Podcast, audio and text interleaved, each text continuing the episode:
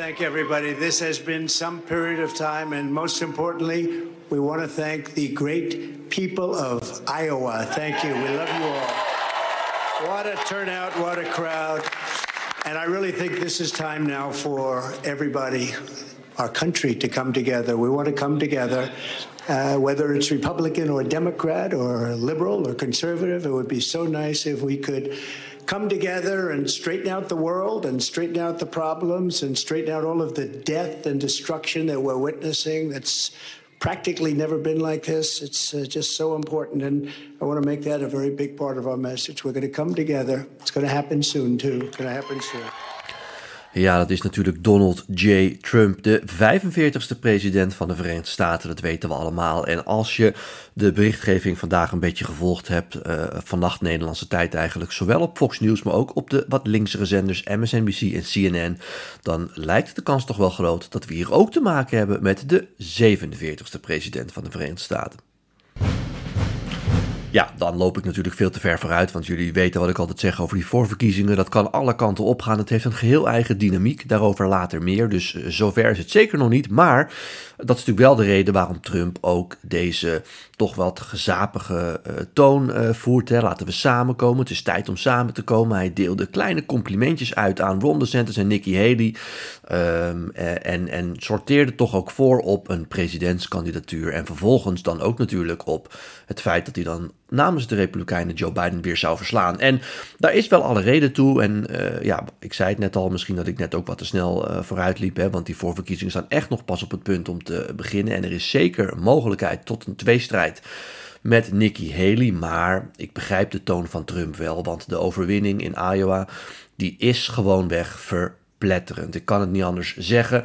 Uh, verkiezingen in Iowa, voorverkiezingen zijn altijd spannend. Meestal uh, zijn het echt squeakers, hè, dat een kandidaat maar nipt uh, wint. En, en dat was nu zeker niet het geval. Trump staat volgens de laatste uitslagen op zo'n 51% van de stemmen in Iowa. En ligt daarmee ver voorop. Ron DeSantis en Nikki Haley, die allebei op zo'n 20% schommelen. Uh, betekent ook dat Trump natuurlijk verreweg de meeste gedelegeerde delegates dan wel punten uit Iowa krijgt.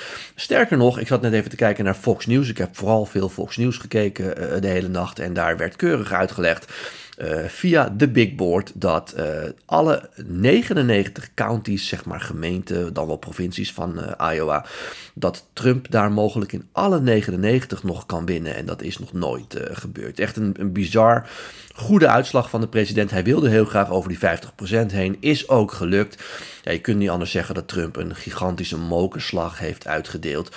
Want uh, deze voorverkiezingen, op basis natuurlijk ook van de peilingen, zijn voor een heel groot deel ook verwachtings management. En ja, als Trump uh, niet boven de 50 was uitgekomen, maar daaronder, misschien zelfs net boven die 40% had geschommeld, dan had toch het verhaal geweest: ja, er is ruimte voor iemand die anders, uh, uh, die, die, die geen Trump heet. Want moet je eens kijken: 60% van de Republikeinen stemt op iemand anders. Ron DeSantis, als die rond de 30, 35% had gescoord, dan was toch het verhaal geweest van ja, die is toch heel dichtbij gekomen. En beide is niet het geval. Trump heeft de concurrentie gewoon verpletterd. Het enige positieve wat je hierover kan zeggen, als je geen Trump-aanhanger bent, dat is dat Nikki Haley, terwijl ze toch niet heel veel campagne heeft gevoerd in Iowa, die heeft vooral campagne gevoerd in New Hampshire. Ja, dat die toch met uh, 20% van de stemmen hier uh, boven verwachting heeft gescoord. Heeft ook net een hele vrolijke speech gegeven waarin ze zei: We're off to New Hampshire. Ze vliegt daar vanavond nog heen. Vanavond Amerikaanse tijd wil dat zeggen. En ja, dat is natuurlijk ook omdat zij nog een hele grote kans maakt om het toch Trump moeilijk te maken. Want ze staat al best wel hoog in de peilingen in New Hampshire. Daar heeft zij vooral campagne gevoerd. En dit geeft haar toch die springplank uh, richting de verkiezingen in New Hampshire. En dat maakt ook die voorverkiezingen. Um, spannend. En dat maakt ook dat die een geheel eigen dynamiek hebben. En dat maakt ook dat je dus niet kan zeggen: Oh, Trump wordt uh, sowieso weer presidentskandidaat. Uh, die voorverkiezingen fungeren, daar hebben we het in een eerdere podcast over gehad. Vaak ook als een soort springplank. En het feit dat zij het hier toch boven verwachting goed heeft gedaan, bijna tweede werd, toch wel beschamend voor Ron DeSantis, betekent dat zij die springplank krijgt naar New Hampshire. Maar goed, Trump krijgt die natuurlijk ook. Dus als Trump ook in New Hampshire wint, ja, dan lijkt het toch wel, zoals ik het ook net op Fox News heb horen zeggen, deze voorverkiezing snel ten einde. En dan gaan we misschien wel naar de snelste tweestrijd in de Amerikaanse politiek ooit toe, namelijk die tweestrijd Biden. Trump. Normaal start die pas in het voorjaar op van de zomer als duidelijk wordt wie de twee presidentskandidaten zijn. Maar bij de Democraten is dat natuurlijk al duidelijk. Nou, als Trump ook in New Hampshire wint, dan lijkt hij ook die presidentskandidaat te worden. Dan zijn er bijna geen tegenstanders meer over. En dan gaan we naar een hele snelle democratische republikeinse tweestrijd toe. Maar het kan dus ook zijn dat Nikki Haley daar wint in New Hampshire. Dat kan heel goed. Ja, en dan gaan we naar South Carolina. Daar staat Trump nu voor, maar dat is de thuisstaat van Nikki Haley. En ja, dan gaan we echt hele spannende verkiezingen krijgen. Dat brengt mij op de man die vandaag natuurlijk geen goede uitslag had, Ron DeSantis. Hij zei wel, ik heb een ticket out of Iowa gekregen, want ik heb toch die 20% gehaald. Wij gaan door.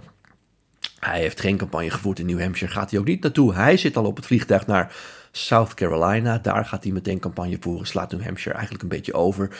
Ik denk eerlijk gezegd, maar dat is mijn verwachting. Hij heeft het vandaag niet gezegd, maar dat de komende dagen toch duidelijk zal worden dat Ron DeSantis een punt achter zijn campagne zet. Hij heeft al zijn geld, al zijn organisatie, en dan hebben we het over uh, nou, 150 miljoen dollar en uh, honderden mensen, die heeft hij allemaal ingezet in Iowa. Hier moest een klap worden uitgedeeld aan uh, Donald Trump. Dat is niet gebeurd. Sterker nog, met 20% is dat gewoon een beschamende uitkomst. En uh, veel analytici zeggen ook: ja, moet luisteren. Kunnen wij iemand die zo'n organisatie uh, met zoveel geld opzet en dan zo erg verliest, wel vertrouwen om ons naar die landelijke verkiezingen toe te loodsen? Ik denk het niet. Mijn verwachting is, dat denk ik echt, dat Ron DeSantis uh, de handdoek in de ring gaat gooien. Maar goed, we gaan het zien. Misschien dat hij wel zegt, ik probeer het nog in New Hampshire. Het is maar een week verder. En dan uh, kunnen we altijd kijken ehm, wat daaruit komt. Dat zou nog kunnen, maar ik denk dat hij snel zijn campagne beëindigt. Wie in ieder geval zijn campagne heeft beëindigd, is Vivek Ramaswamy. Die eindigde op zo'n 7,6%, bijna 8% van de stemmen.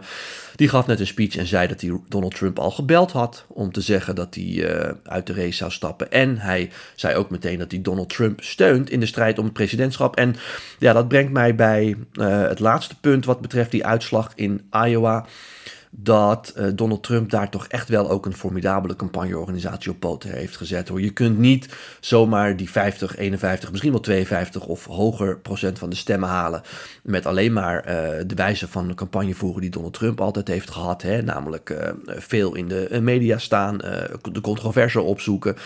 Ehm, zijn charisma. Nee, nee, nee. Er zit echt wel een hele grote campagneorganisatie achter. En het bleek ook afgelopen weekend uh, al richting die verkiezingen in Iowa. Want toen stond Trump natuurlijk al hoog in de peilingen. Maar ja, uh, uh, ondanks het feit dat het min 20 was en heel veel campagnebijeenkomsten werden afgezegd, ging Trump gewoon door met campagne voeren. Bracht pizza's naar de brandweer in Iowa, die natuurlijk daar overuren, overuren draaide.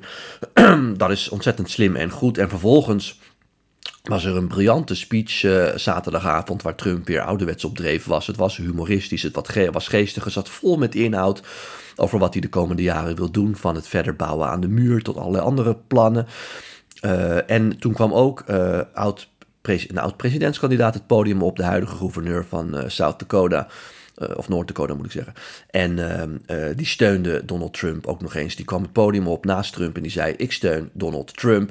Ja, dat was de eerste presidentskandidaat die Donald Trump steunde. En uh, vervolgens volgden er nog allerlei senatoren die Trump steunen. Waaronder senator Marco Rubio uit Florida, die geen vrienden is met zijn gouverneur Ron DeSantis. Ook hij steunde dus Donald Trump. En ja, die lawine uh, aan uh, steunbetuigingen en, en, en, en, dergelijke, zo vlak richting de verkiezingen in Iowa, hebben ook een setje in de rug nog gegeven. En dat geeft aan dat Trump gewoon precies weet waar hij mee bezig is. En een formidabele campagneorganisatie heeft gebouwd. En dat maakt dat het dus heel erg moeilijk is om hem te stoppen. Ik zag een verbaasde commentator bij Fox News zitten die zei. Uh, het is toch ongelooflijk dat je hier nog van terug kan komen. Hè, van wat er op 6 januari is gebeurd. Van vervolgens al die rechtszaken waarin Trump zei: Ik heb de verkiezingen gewonnen. En de rechter zei: eh, eh, Er is geen enkel bewijs voor. Vervolgens al die andere rechtszaken die nog spelen. Van de geheime documenten tot later vandaag, als Trump zich weer in New York moet melden. Die gaat niet naar New Hampshire, maar die gaat naar New York. Want die moet weer zitting nemen in een rechtszaak over um, E. Jean Carroll. Die hem ervan beschuldigt dat hij haar verkracht heeft. En ze eist nog meer geld van hem. Ja, en toch hebben we hier te maken met, uh, als we naar Iowa kijken, een kandidaat die de concurrentie heeft plettert. Goed, tot zover mijn analyse uit de eerste voorverkiezingen in 2024, die in Iowa. Op naar New Hampshire, maar eerst op naar jullie vragen die jullie weer hebben ingestuurd via Twitter, Instagram en LinkedIn. Ja, ik heb zoals gezegd een hele lijst die ik bijhoud, dus blijf, blijf die vragen sturen. Ik pak er even een paar uit. Allereerst veel vragen over mijn theatertour. Ehm, eh, eh, of, eh, of, of, er nog andere theaters bij komen. ga daar niet van uit. er staan nu 30 theaters in. Op remoments.nl vind je ze allemaal. Kun je je ticket bemachtigen. leuk als ik jou daar zie. Dan kun je mij ook in het echt vragen stellen. er komen misschien nog een aantal theaters bij, maar dat weten we gewoon niet zeker. Dus ga ervan uit dat dit het voorlopig is. En ik vind 30 al best, best veel. mijn vriend zit alle weekenden thuis vanaf het najaar in zijn eentje. Dat is ook maar goed, want iemand moet de hond uitlaten. Uh, Dirk die vraagt: Hoi Raymond, Trump heeft deze week de media weer aan het speculeren gezet over zijn running mate. Aangezien hij zelf van mening is dat hij al twee keer gewonnen heeft, zal hij het wel bij Mike Pence houden. Toch? Never change a winning team. Ja. Uh, geestige vraag, Dirk, maar dat gaat hij zeker niet doen. Uh, Donald Trump haat Mike Pence. Uh, dat gaat niet meer goed komen. toen al die demonstranten zeiden Mike Pence moet opgehangen worden, hebben medewerkers tegen Trump gezegd van ja, u moet echt zeggen dat dit niet kan. En toen zei Trump, nou ja, logisch, want hij doet niet wat hij moet doen. Trump heeft zelf gezegd dat hij al weet wie zijn running mate is, maar hij gaat dat nog niet zeggen. Ik denk dat het een vrouw is en ik denk dat het een gouverneur is. En nou ja, dan kunnen we misschien in een volgende podcast een keer een leuk lijstje maken met welke vrouwen er dan over blijven. Dan Tom, uh, die zegt: Leuk dat je theatertour gaat doen. Ik heb een plekje bemachtigd. Nou, hartstikke fijn. In Roermond. Nou, dan zie ik je in Roermond, uh, Tom. Uh, hij heeft ook nog een andere vraag. Um, en het is een vraag die heel veel andere mensen ook stellen. toch best wel veel mensen die gaan naar Amerika met de verkiezingen kennelijk. Want hij zegt: Mijn broer en ik gaan in november naar Amerika om de verkiezingen echt mee te maken. Weet jij, naast natuurlijk de ambassade, die heb ik al gemaild, een plek waar we samen naar de verkiezingen kunnen kijken. Ja. Tom, um, heel veel mensen stellen die vraag. Ik heb het maar één keer ooit gedaan, echt live in Amerika. Dat was in New York, uh, waar ik toen zat. Dat is altijd leuk om heen te gaan, kan ik aanraden. Maar ik zat daar vooral toen, omdat zowel Trump als uh, uh, Clinton natuurlijk in 2016 de kandidaat waren en in New York ook hun hoofdkantoor hadden. Dus ja, ik zou dan zeggen, we weten al dat Trump de kandidaat is. ga lekker naar Florida, dan heb je ook nog eens lekker weer. En dan kun je misschien in de buurt van de rally van Trump komen. Dat zal op Mar-a-Lago misschien zijn. Het zal moeilijk worden, maar je kunt dat proberen. En anders is Washington inderdaad heel leuk, want dan kun je meteen de hele geschiedenis van de Amerikaanse politiek natuurlijk tot je nemen. Ik vind zelf altijd, ik heb dat ook toen ik, was, toen ik in New York was zo gedaan, dat als die uitslagen binnenkomen, dan wil ik alles goed volgen. Ook analyses en alle uitslagen tot me nemen. Dus dat doe ik in mijn eentje, in mijn hotelkamer voor de televisie. Daar wil ik geen andere mensen bij hebben die er doorheen praten. Dat vind ik ook met voetbal kijken heel irritant. Dat doe ik gewoon in mijn eentje. Uh, maar als je denkt naar Washington gaat, inderdaad, dan, uh, dan uh, kun je daar nog heel veel andere dingen omheen plannen ook. En ja, anders zou ik zeggen, ga naar Virginia. Dat is een hele mooie swing state naast Washington.